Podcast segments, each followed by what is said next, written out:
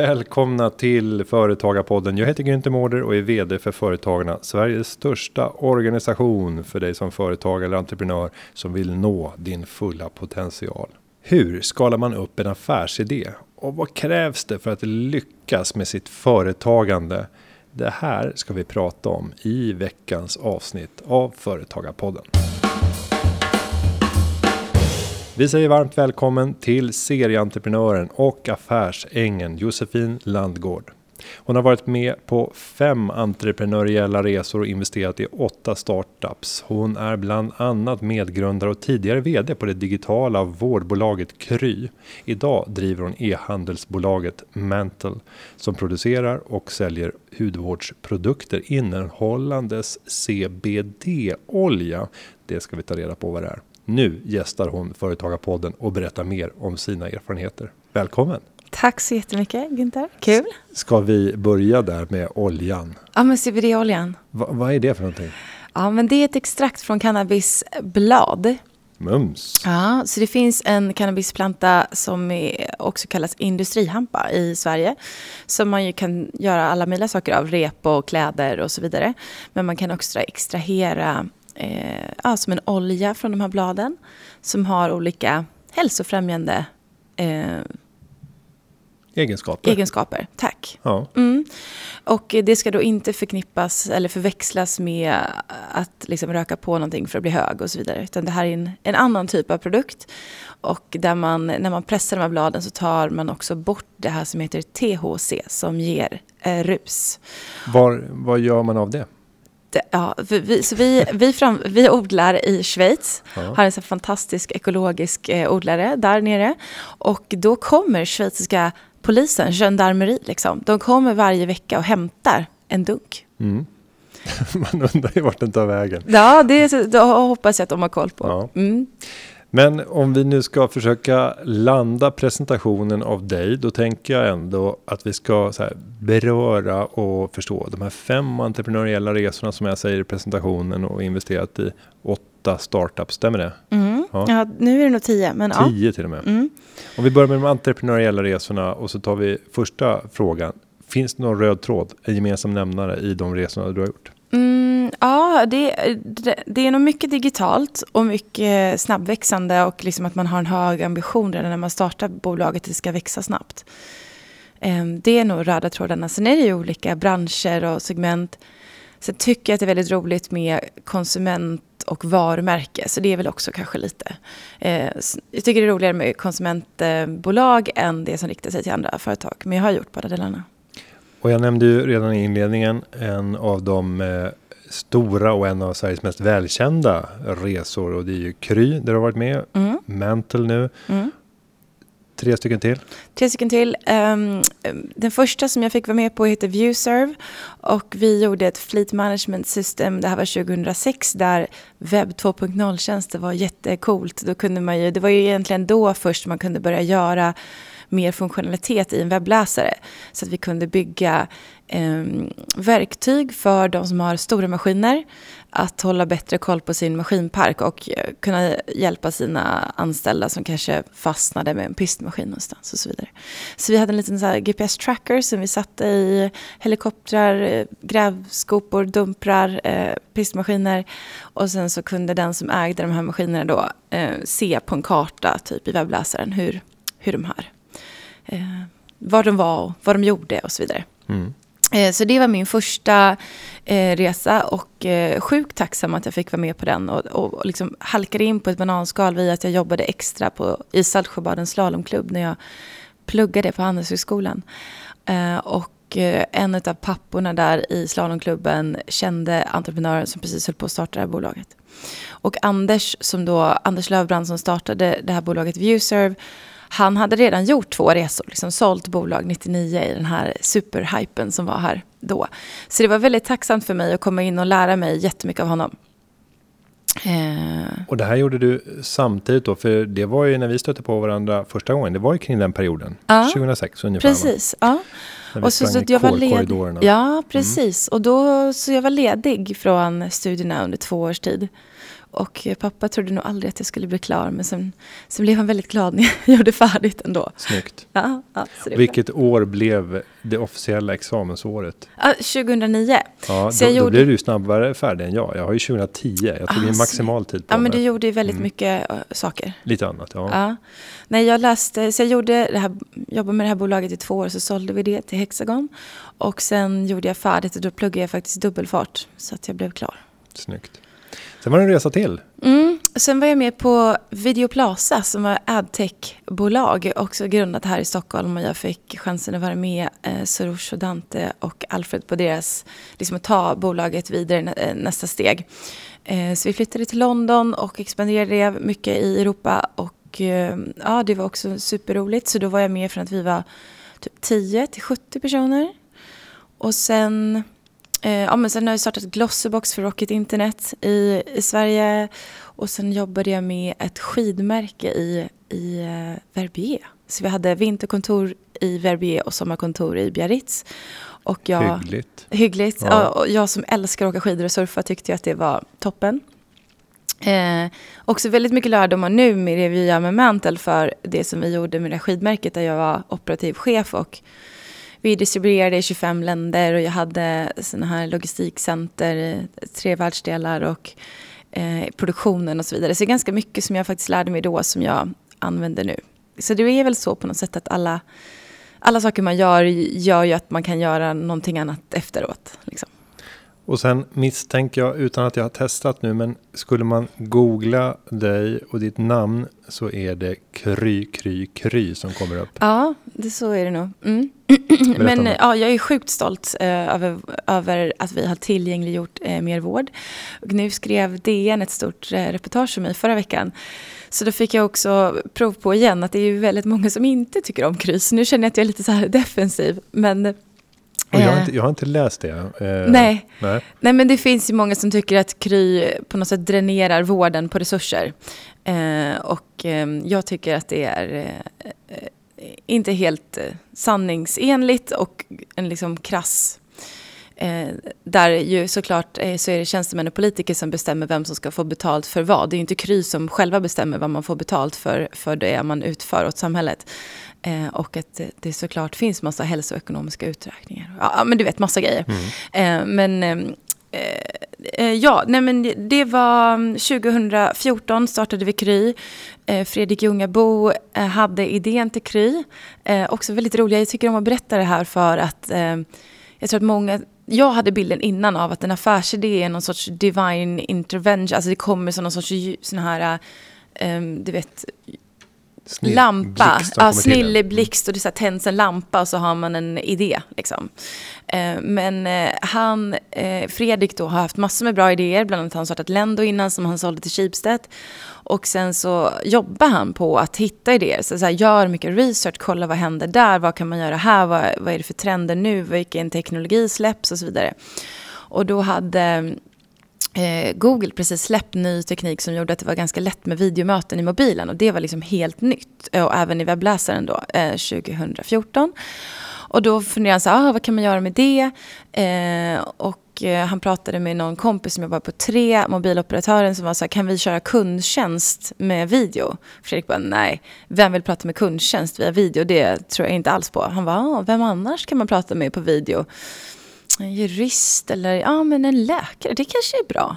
Eh, och sen så eh, hittade han på mig och eh, mina andra medgrundare och vi började liksom formulera det till att ja, men, kanske att vi kan bygga en digital vårdcentral och hur skulle det se ut?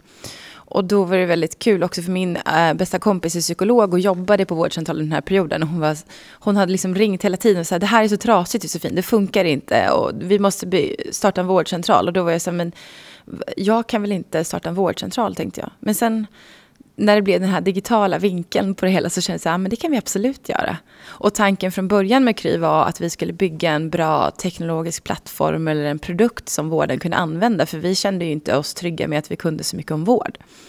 Och sen utvecklades den idén till, eh, nej men vi måste ha alla delarna hos oss för att kunna ge den kundupplevelsen som vi ville eh, ge, men också jobba med patientsäkerheten på ett bra sätt. Vi kunde följa upp eh, ja, kvaliteten helt enkelt jämfört med att jobba med massa olika aktörer och läkare man inte vet vad de gör i deras journalsystem. Så, att säga. så, så anställde vi massa med duktiga människor som kunde mycket om vård och så kunde vi göra allting eh, in-house eh, på Kry.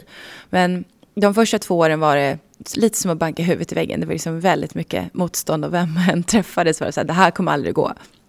Eh, ingen ville investera och eh, vi gjorde en massa piloter med vården men det var väldigt småskaligt och ja, men det var lite så ah, gud man bara den åttonde piloten eh, och, och, jag började prata om eh, Vinnovas pilotkyrkogård, liksom alla mm. projekt kommer för att dö. Eh, så det är ju mycket så projekt och ganska svårt att driva igenom innovation inom vården ska jag säga. Och det har också varit så rolig del av resan där många läkare, sjuksköterskor, sjukgymnaster och så vidare som har stor driv och vill förändra saker, att det är väldigt svårt för dem att göra det inom systemet. Liksom. Det är så mycket som sitter fast i de här organisationerna.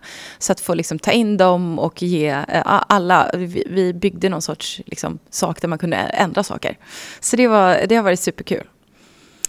Om vi tittar på den typen av resa där man ska bereda mark för en helt ny typ av lösning på marknaden. Mm. Eh, vad fick du bära med dig i termer av erfarenheter när man gör någonting nytt som ingen tidigare har gjort? För det är en speciell form av entreprenörskap. Ja, det är mycket pannben, eller på att säga. Mm. Nej, men eh, jag tror att det faktiskt var helt kritiskt att vi alla fyra som startade Kry hade mycket erfarenhet innan av att eh, bygga företag. Eh, så att vi ja, men både hade ett nätverk som kunde hjälpa oss men också ha eh, erfarenheter av att så här kan man avvinna eh, svåra saker. Sen, sen tycker jag att det mycket handlar om att ja, men man har visionen men sen att bryta ner den till vad är nästa sak som jag kan ta tag i hela tiden för att komma ett steg på vägen. För så kan det väl också vara om man tar på sig en ganska stor idé som att försöka ändra primärvården i Europa. Då behöver man ju bryta ner den i, i steg. Liksom. Lite som vi, som vi pratar om. Att ja, vi bygger en produkt som gör att det blir lätt att göra videomöten med en läkare. Vi börjar med det. Liksom. Men eh, spännande sätt att eh, komma fram till affärsidén. Att bara sitta och titta på en teknologisk förändring och sen fundera vad kan vi använda den här nya tekniken till? Ja. Om du tittar nu då, under senaste året så har ju beteenden förändrats rätt snabbt och vi har mognat i en digital kontext och framförallt är det de breda lagren som har tvingats digitalisera sig och hitta nya lösningar på problem som man tidigare löste i fysisk form och idag gör man det digitalt. Finns det några sådana områden som du ser idag? Alltså här är en teknik som nu är allmänt känt och tillgänglig eller har fått ett genombrott. Där man skulle kunna börja tänka precis som ni gjorde. Så här, vad kan man använda det här till? Mm. Alltså nu ägnar jag mig typ inte alls åt att spana eh, på grejer. Utan jag ägnar mig bara åt att eh, bygga mitt företag Mantel. Eh, och sen träffar jag entreprenörer eh, som jag tycker är Ja, men om man träffar någon som man bara säger den här människan är ju fantastisk och har ett jättebra team med sig. Um, då bettar jag på dem. Så det är liksom så jag gör mina investeringar. Så jag lägger faktiskt ingen tid på att spana och fundera eh, på, på Det kanske man kan göra sen, tänker jag. Mm. Ja. Och om vi tittar då på nästa del i eh, ditt liv så är det just eh, investeraren och att mm. investera mm. i andra som gör resor och få vara med på dem. Mm. Då lät det som att du la typ 80, kanske till och med 90 procent av vikten vid människorna, teamet. Ja, Stämmer exakt. Det? Ja. det är lite så här, de behöver ju göra någonting som jag tycker är relevant, spännande och gärna eh, någon form av impact eller ett, en positiv riktning. Liksom. Eh, och sen är det 80, 90, 98 procent mm. Eh, teamet.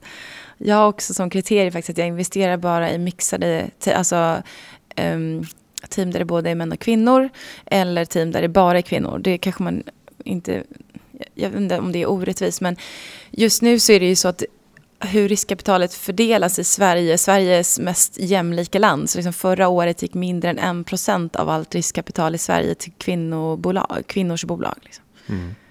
Det, är, det är ju rätt absurt, är det inte det? Jo, och vad har du fått eh, för erfarenheter när du ställer upp det där kriteriet? Mm. För då blir det ju verkligen skarpt för dig. när mm. du ska titta men Jag på tycker inte det är så svårt. Alltså jag träffar ju många, eh, sen är det ju många kvinnor också som startar bolag som söker sig till mig för att de har hört talas om mig och tycker att det skulle vara roligt att ha med mig. Eh, och, så jag får ju mycket bolag som startas av kvinnor. Och sen tycker jag att det är många eh, män också som börjar eh, det låter ju konstigt, men liksom inse vikten av att ha ett, eh, ett eh, inte så homogent team. Mer heterogent team och, och kompletterande erfarenheter. Och, men all forskning visar ju att mixade team outperforms inte liksom, homogena team. Så det är väl inte så svårt tycker jag att ha det som kriterie. Jag har ju mer svårt att förstå hur, hur resten av eh, investerarna bara investerat i fyra, fem snubbar som dyker upp. Liksom. Mm. Och om vi nu eh, tittar på alla de här eh, resorna du själv har gjort och de som du är en del i som extern ägare. Finns det några så gemensamma nämnare, kritiska faktorer som du tror är särskilt avgörande för att ett bolag i ett tidigt skede, oftast med en stor potential, mm. för det är den typen av bolag vi pratar om, en typ av skalbarhet, gärna någon typ av digital dimension i sin affärsmodell. Om vi tar den typen av bolag, finns det någonting kritiskt som är gemensamt och som en, en kritisk framgångsfaktor för de här Ja, men det skulle jag säga. Och just det här som jag är inne på, att jag försöker utvärdera teamet och deras förmåga eh, är ju så här, har de förmågan att ta sig an det de beskriver att de ska göra? För sen blir det ju ganska sällan precis det där som man har tänkt från början. Men om de på, via liksom eh, passion, intresse, vad de har gjort tidigare eh, och ja, men är de liksom pålästa, kunniga, eh, drivna inför det de ska göra, då brukar man ha mycket större förutsättningar för att lösa de problem som kommer. För det är ju lite så att bygga ett företag, speciellt om man vill skala det väldigt snabbt, det är ju bara en, en lång rad utmaningar. Den ena efter den andra. Så då måste man ju liksom vara rustad för det, tänker jag. Och när man köper ett bolag och, och framförallt när det gäller stora bolag så brukar man prata om en DD-process, due diligence, att göra en genomlysning och se varje vrå av bolaget. Vad kan tänkas finnas som vi hittills inte har hittat som skulle kunna dyka upp som överraskningar. Om man då lägger så pass mycket tyngd och vikt vid att eh, investera i rätt människor och samtidigt så finns det inte någon jättestor verksamhet kanske då i det tidiga skedet att göra en due diligence på. Hur ser din DD-process ut för de här människorna innan du fattar beslutet? Ja, men den är typ obefintlig. är det sant? ja, det är det. Jag träffar några, kanske en halvtimme, 45 minuter, så jag säger ja, ja eller nej. Eh, och det tillhör ju då att jag gör det i extremt tidig fas. Mm. Det kan ju vara innan, alltså det kan vara att de har en idé som de har dokumenterat i en presentation eller att de har början till en produkt åtminstone. Eh, och då tycker jag att det finns inte ens så himla mycket att kolla på. Men sen kan vi säga som tredje kriterium, så dels har jag så här som jag sa att de ska göra någonting som jag tycker är vettigt eller intressant. Och sen är det tonvikten med teamet. Och sen brukar jag faktiskt göra deals ofta tillsammans med andra. Så då kan jag få lite så här sanity check på att ja, men den här personen som jag litar på tycker också att det här är bra. Mm. Eh, så det är lite så jag gör. Ja, för jag tänker där på tidsperspektivet, så en halv, halvtimme det kanske var att ta i. Men Eh, om du byter ut timme mot ett år så, så har du mig. Ungefär ett halvår brukar det ta för mig att göra. Så jag är inte, jag är inte den snabbaste investeraren på, på gatan. Men jag brukar vilja ha väldigt mycket sociala dimensioner. Mm. Eh, och eh, i eh, den största och viktigaste investeringen som, som jag hittills har gjort. Då eh, tog det mer än ett halvår. Och det var till och med så att jag bjöd in till en särskild fest hemma där jag bjöd in alla de människor som betyder väldigt mycket för mig i en privat kontext, inte yrkesmässigt utan privat kontext. Så att de två stora delägarna och operativa krafterna i det här bolaget skulle få träffa alla mina vänner för att förstå vem är det som kommer nu till det här bolaget.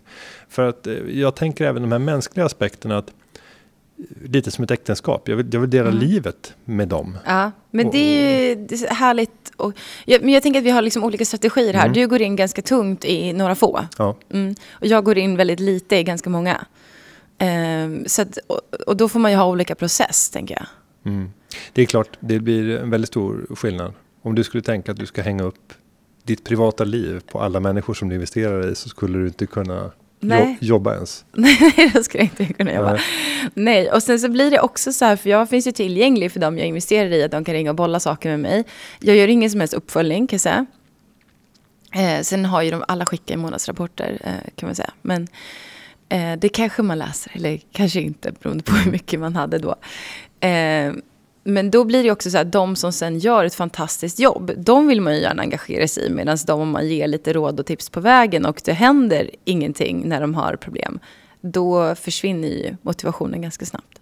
Och om vi tar just disposition av tid, när man både har sin egen operativa verksamhet och sen har man ett antal engagemang i ett investeringsperspektiv.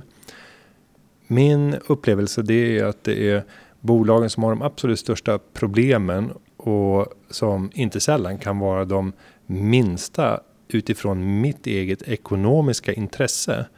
Det är de som oftast sväljer mest tid. Mm.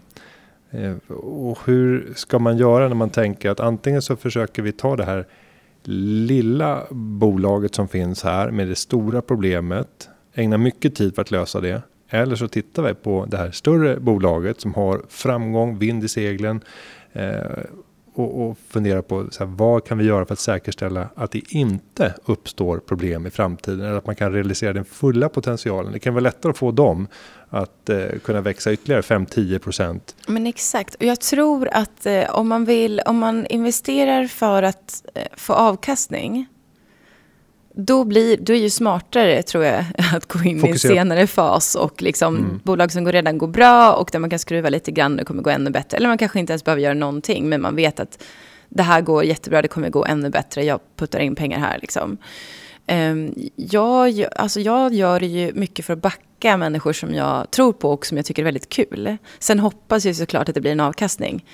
Um, men uh, ja, så jag, jag um, senare kanske, och sen har jag också delar utav eh, mina pengar placerades på mycket säkrare sätt. Liksom. Så att jag har eh, en, en annan sorts portfölj då, kan man säga. Mm. Men det där är ju faktiskt spännande att diskutera. Vad är säga, rätt och bäst strategi om vi bara tänker i ett ekonomiskt, monetärt perspektiv. Eh, att gå in tungt i ett fåtal bolag eller att sprida små graser i många små bolag. Och jag skulle ju nog säga att, att eh, det som liknar din strategi har en större potential. Jag kommer ju aldrig stöta på de här bolagen som kan hundradubblas i värde. Det blir så här teoretiskt omöjligt för jag går in i ett mycket senare skede. Bolagen är bevisade, det är stabilt, de genererar kassaflöden och kommer kunna dela ut pengar. Mm. Där går jag in. Mm. Eh, får jag en tiodubbling så är det så här, det är magiskt. Det är ofattbart. Men, ja. det, men, det, men det kommer aldrig finnas att pengarna försvinner. Så att i det perspektivet, ska vi prata så här riskjusterad avkastning så kommer det se väldigt fint ut i avkastningsgrafen om man har tre, fyra sådana bolag. Men om man vänder det mot att ha, låt oss säga, kanske om 5-10 år så kanske du sitter med 50 sådana här bolag. Mm. Där ett av bolagen faktiskt kan hundradubblas i, i värde, kanske till och med tusendubblas för du gick in i ett så oerhört tidigt skede.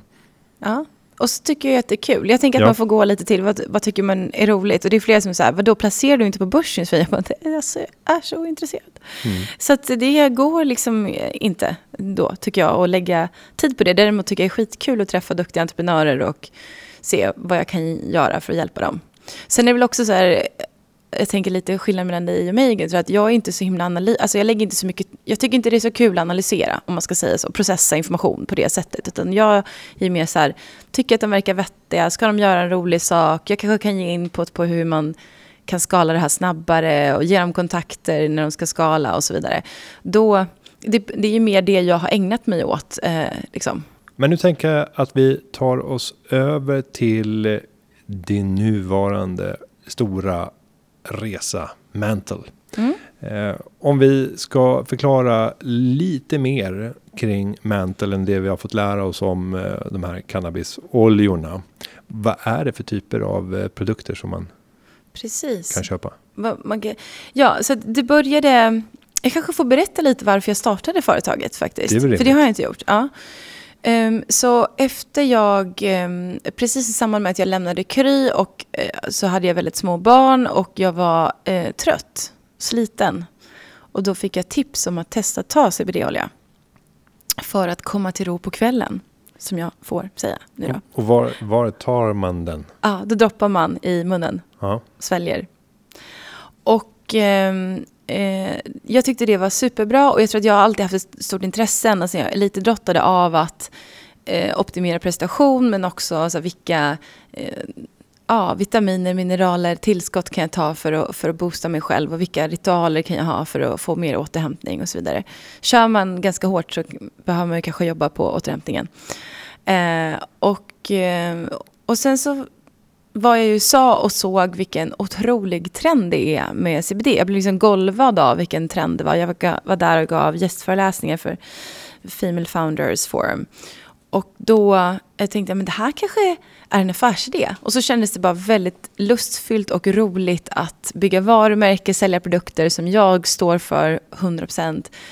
Omge mig med människor som jag vill vara med. Och eh, ja, men ganska mycket stipulera villkoren själv. Jag har också lite kapital att sätta in i, i mitt bolag. Det är första gången jag har haft den möjligheten. Um, så det blev liksom starten på, eh, på Mantle. Um, och vi säljer då både de här eh, dropparna som man kan droppa i munnen. Ehm, som då klassas som ingestible. Jag vet inte vad man ska säga på svenska. Ehm, och sen är det kosmetiska produkter med. Det vill säga hud, hudkräm och nattmask och serum och sådana saker. Mm. Mm. Och, och, när man tittar på produktportföljen då. Är den eh, kreerad utifrån de trenderna som redan har varit starka i USA under lång tid? Eller är det nya typer av produkter som till och med skulle vara heta? Over there? Ja, men jag tror att de skulle vara heta over there. Men generellt så är det mycket mer konkurrens i hela CBD-branschen i USA. Så jag tänker att vi ska vara ett eh, lite större och, och biffigare bolag innan vi ska dit. Så mm. Kanske två år eller någonting. Så nu går det jättebra i Sverige. Eh, får liksom lite nypa mig i armen varje dag att det går så bra. Och vi har påbörjat i Danmark och sen så ska vi göra eh, Storbritannien ordentligt från och med höst. Så det Ehm, och i takt med det så växer vi både organisationen men också kapitalet och produktportföljen. Så det är därför jag menar om, om två års räkning med att vi är ett liksom mycket större och starkare företag som då kan ta oss an större utmaningar. Men om vi då tänker den situationen som jag tror att många har varit med om. Man kommer till en annan del av världen. Man observerar någon typ av eh, trend och tar vi då inom hälsokost, det kanske är inom kosmetika, alltså någonting inom det fältet och säger det här kommer säkert hända i, i Sverige, Europa mm. eh, senare. Hur bar du det åt från det att du får den idén till att du står där och faktiskt kan börja bearbeta marknaden med den här produkten. Mm. De viktiga stegen att ta mm. från en idé någon annanstans i världen till att man kan lansera det på sin lokala marknad. Ja, men kul. Jag var i New York i maj. Jag hade just då, eh, jag förstår faktiskt inte vad som hände. Jag hade två vd-roller samtidigt som jag skulle resa en fond ihop med några andra. Alltså det var helt, eh, och jag var ju bara sur typ hela tiden. För det var bara för mycket och äh, jättemånga människor som behövde mig på olika sätt som jag inte orkade med. Och jag har fortfarande små barn. Så, jag, det, är så här, det är inte kul heller när man känner att man eh, inte hinner med någonting helt mm. enkelt. Så först så fick jag ju lov att ta bort alla de här uppdragen som jag hade och försöka göra det utan att folk skulle bli jättesura. Eh, och, sen, eh, och det tog liksom lite så, sommaren. Och sen ehm, eh, så var det nog i augusti igen, i slutet på augusti som jag var så här, nej, det är nog faktiskt det här jag vill göra. Och då eh, träffade jag en tjej som jag känner lite grann, som kände några andra som var liksom CBD-experter, som bara investerar i CBD. De heter Amoride Porrett och David Bonnier. Och då eh, tog jag en kaffe med dem eh, och redde ut hur, i vilken utsträckning är det lagligt och olagligt och var går gråzonen och, och hur ser det ut eftersom det är regulatoriskt väldigt krångligt med CBD. Och eh, då fick jag klart för mig att det nog var grönt ljus. Eh, och de sitter på ett kontor som heter Alma här i Stockholm. Eh, och då en vecka senare så flyttade jag in på kontoret och började jobba. De bara, vad gör du här? Jag bara, men nu kör jag. så då, ja. det tyckte de var skitkul att det gick så snabbt och att jag bara kör. Liksom. Så sen eh, hittade jag en medgrundare som heter Stina som jag träffade på ett event och då var det mycket att jag klurade på hur ska vi marknadsföra oss, hur kan vi nå ut med det här. Och då var det lite en trend att säga att så här, influensen är död eh, bland ja, så lite affärsmänniskor skulle jag säga. Och då var jag på ett event där jag det var så tydligt att Stina var en influencer. För jag bara, det är ingen annan som är så liksom, put together och ser väldigt ball ut om man inte är influencer, tänkte jag. Så jag gick och frågade henne, är influencern död? Eh, och, eh, och sen hade vi en jätteintressant konversation efter det. Och sen lunchade vi några gånger tillsammans och satt och pratade väldigt länge. Och sen bestämde vi för att vi skulle provjobba tillsammans. Så då gjorde vi en del workshops och försökte definiera så här, vad, vad är det vi vill att det här varumärket ska vara, vad ska det stå för och vad ska vi göra. Eh, och då kände vi att det klickade jättebra och sen tog vi in eh, två tjejer till i teamet. Eh, och parallellt med det så, så pratade jag med några människor som jag har runt omkring mig som då Sofia Benz och eh, Sanna Campbell. Och de är ju liksom superstjärnor på det de gör. Och det blev en, en bra kontext för mig att känna att ja, men nu har jag med mig de här. Så det är både mina anställda men jag har också med mig mina rådgivare. Eh, och Emilia de Porretta också som, som jag också är influencer och eh, en fantastiskt härlig människa. Så att då, då liksom hade jag grunderna på plats och så satte vi igång och leta vem som skulle leverera den här råvaran till oss och hur vi skulle gå tillväga. Hur lång tid har det gått sen New York? Ja men precis, så vi satte, jag satte igång där i september och sen lanserade vi första produkten i februari. Så det gick ändå ganska snabbt.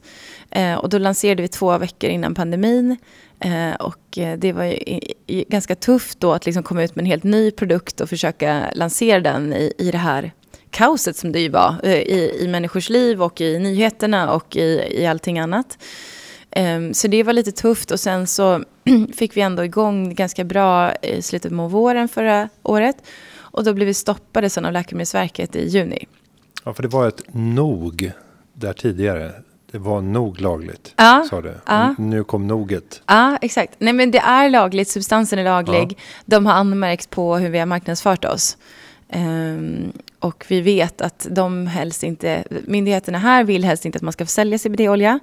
Vi tycker att det är en ganska konstig hållning givet att i, i Tyskland, Schweiz, eh, Storbritannien så säljs CBD-olja på varenda apotek, på varenda liksom, hälsokostbutik. Så det är ju ganska konstigt att hävda att det, att det skulle vara farligt på något sätt för svenskar. Mm. Um, och att idag ser vi, ser vi att jättemånga svenskar köper CBD-olja men köper den från utlandet och man vet egentligen inte vad man får för produkt. Så vi försökte samarbeta med Livsmedelsverket och Läkemedelsverket för att man ska börja reglera marknaden lokalt istället. Men då stoppade, stoppade man oss då. Så jag, jag är ju såklart lite bitter över det som du har. Men då fick vi gå på hudvårdsprodukterna och de hade vi redan börjat formulera. Men det tar liksom minst ett år att göra sådana här produkter. Så de kom inte förrän i höstas då. Mm. Så de släppte vi precis innan jul. Och nu äntligen den här våren då så har det tagit fart. Så nu är det ja, men ett och ett halvt år sedan drygt som vi startade bolaget. Och när man tänker att man ska sälja en produkt på marknaden idag och du lanserar. Hur tänker man distributionen ut till kund? Mm. Om man ska vara smart i dagsläget. Ja men det var ju tacksamt med pandemin tänker jag. Att det var väldigt tydligt att vi inte ska satsa massor på fysiska butiker. Eh, sorry för alla som har fysiska mm. butiker. Men eh, vi går, säljer väldigt mycket i egen kanal på nätet och sen så säljer vi med de stora e-tailers som jag gillar att kalla dem då, alltså Lyko, men även Kicks och Bangerhead och några till. Och om man tänker på framväxten nu, om vi tar direkt till konsument eller direct to consumer som har blivit en oerhört stor och stark trend bland de allra största varumärkena. Och de har till och med lämnat de viktigaste plattformarna för att säga nej, ni får köpa våra produkter hos oss. Mm. Jag tror Nike lämnade Amazon. Du kan mm. inte köpa Nike längre på Amazon. Säger, köp direkt hos oss. Och det här ser vi bolag efter bolag göra. För och nackdelar som du ser med att utpräglat satsa på en direkt till konsumentförsäljning via egen kanal? Ja, det är... Jag tycker att det är väldigt spännande med starka varumärken. Och Nike i det här exemplet har ju ett så starkt varumärke att man kan vara så här, nej, våra produkter ska finnas hos oss och så får ni komma dit. Eh, och har man inte så starkt varumärke då kan man ju inte göra sådana saker för då tappar man ju jättemycket volym. Mm. Och det är väl det som är intressant. Och jag, en av mina bästa in investeringar i är det här företaget som heter Estrid som har, säljer rakhyvlar. Som när de ringde mig och var så här, ah, eh, vill investera så att vi ska sälja rakhyvlar på prenumeration? Jag bara, va? Nej, det tror jag inte att jag mm. vill. Och sen träffade jag grundarna och, och blev helt golvad. De är så grymma. Liksom. Så det var så ja det vill jag absolut göra.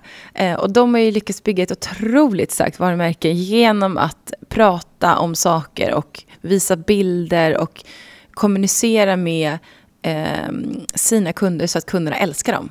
Och det, så de behöver bara finnas i sin egen butik och det säljer hur mycket som helst. Mm. Och det, jag tycker det är spännande och kul. Sen med Mantel så har vi valt att vi ska ändå finnas hos andra som hjälper oss att, att nå eh, stor volym. För att det finns så mycket begränsningar kring CBD i marknadsföring. Så både Google och Facebook har eh, massa begränsningar för hur man får marknadsföra sig. Och det gör ju att eh, för en vanlig e-tailer eller eh, e-handelsbutik, DTC, så är ju de de främsta kanalerna. Det är Google, Facebook, liksom, Instagram. Så att, eh, ja, nej men det... Men det kommer tillbaka här som jag sa i början, att ju fler utmaningar man övervinner, desto större värde får man på bolaget. Så att ja, vi har ju valt CBD med flit. Och det är bra på vissa sätt och sen är det mm. jättejobbigt på andra. Liksom. Och vad tänker du kring eh, den stora bilden, om vi tar det långsiktiga perspektivet för eh, Mantle? Är det att eh, driva upp det till en kritisk nivå, kunna sälja för att ge sig på nästa resa eller tänker du utan tidshorisont?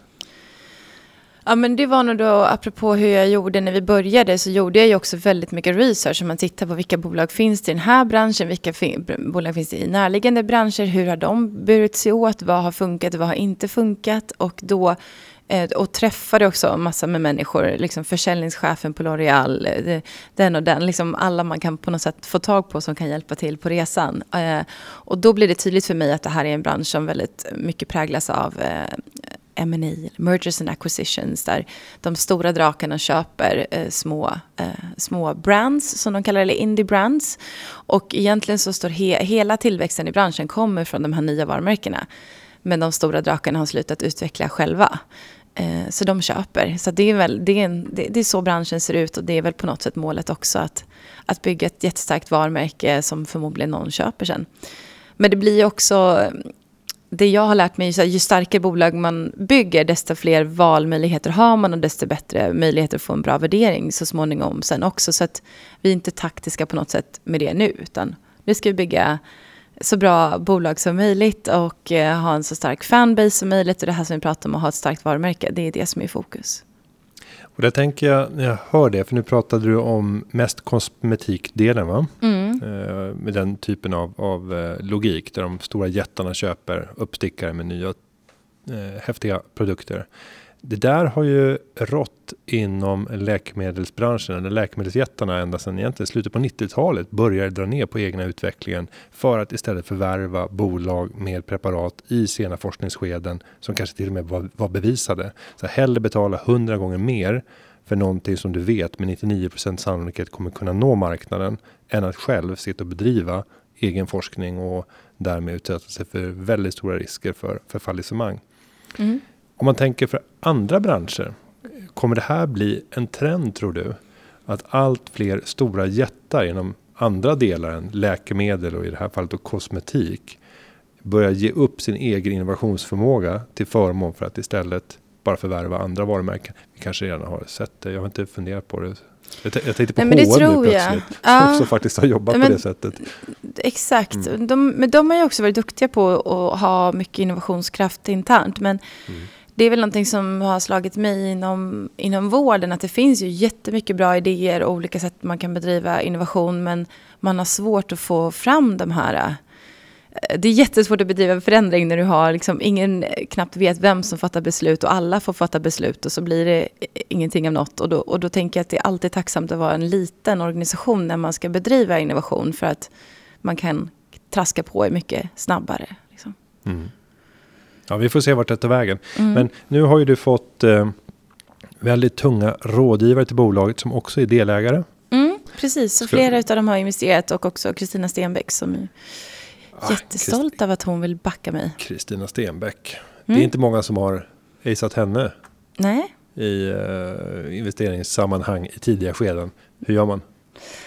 Ja, men det var ganska tacksamt på så sätt att hon har investerat, eller Kinnevik har investerat i Babylon som är en konkurrent till Kry, som startades i Storbritannien. Så hon har följt mig och oss under eh, ganska lång tid. Och sen ehm, eh, investerade vi gemensamt i ett annat bolag, jag och Kristina. Och då träffades några av oss, vi som investerade i det bolaget, eh, sågs på en middag. Eh, och då pratade jag mer med Kristina och då var hon så här, I'm such a fan. Jag bara, va? Eh, vad, sa, vad sa du? Eh, hon bara, jag vill jättegärna backa dig. Så det, ja, sen har jag såklart pitchat och visat vad vi ska göra och, och försökt göra så bra som möjligt. Men det är ju mm. superkul. Tungt. Mm. Eh, och hur tänker du kring eh, de som har fått möjligheten att investera? För det har inte självklart behövts kanske eller?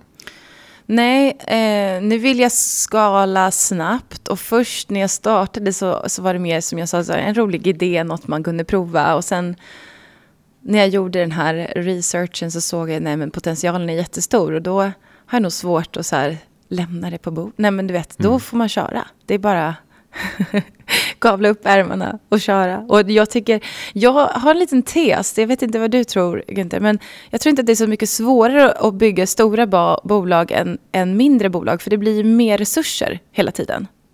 Problemen är ju alltid de samma och det ser man ju inte minst i operativa befattningar. Är du vd så spelar det ingen roll om bolaget är eh, 10 medarbetare eller om det är 100 och jag misstänker att om det är 1000 eller 10 000 det, mm. inte, det, blir inte jättestor skillnad. Det kan till och med vara lättare i det stora bolaget för det finns så mycket professionell hjälp att tillgå. Ja, men eller Det är massa människor som vet ja. vad de gör. Liksom.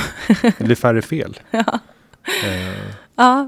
Ja, men så det är, jag vill bygga ett stort bolag och det gör man ju med pengar. I min värld då så använder man riskkapital för att växa snabbare. Mm. Uh, så det är så uh, jag gör. Jag hörde också någon som kallar det för Silicon Valley style of building companies. att, att man liksom har och det är väl den skolan jag har gått i, att man eh, tar en idé, bevisar den i en så kallad eh, minimum viable product, man testar, eh, funkar det här konceptet? Eh, och sen eh, reser man eh, mer och mer pengar i, i takt med att man får bevispunkter på att det funkar. Och sen kan man då göra en, en exit i någon form. Liksom. Det, mm. det är det jag är skolad i och tycker att det är väldigt roligt och man kan ju driva stor påverkan, bygga större saker. Liksom.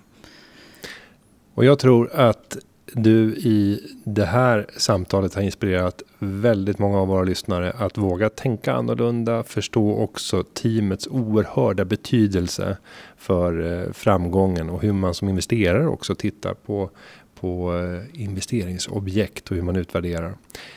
Mängder av inspiration har vi fått och tiden går snabbt. Mm. Jag vill tacka dig Josefin för tack att du kom till Företagarpodden. Ja, men tack så jättemycket. Stort tack. Och jag ska säga att eh, vill du utveckla din affärsidé, inspireras av det som har sagts här. Men du kan också gå in på företagarna.se. Där finns det mängder av tips på hur du kan utveckla affärsidén och slipa den till briljans. Men också om det handlar om att bygga team. Klippningen är gjord av Petra Cho och underlaget för dagens podd är framställt av David Hagen. Vi hörs igen nästa vecka. Ha det så gott. Hej då!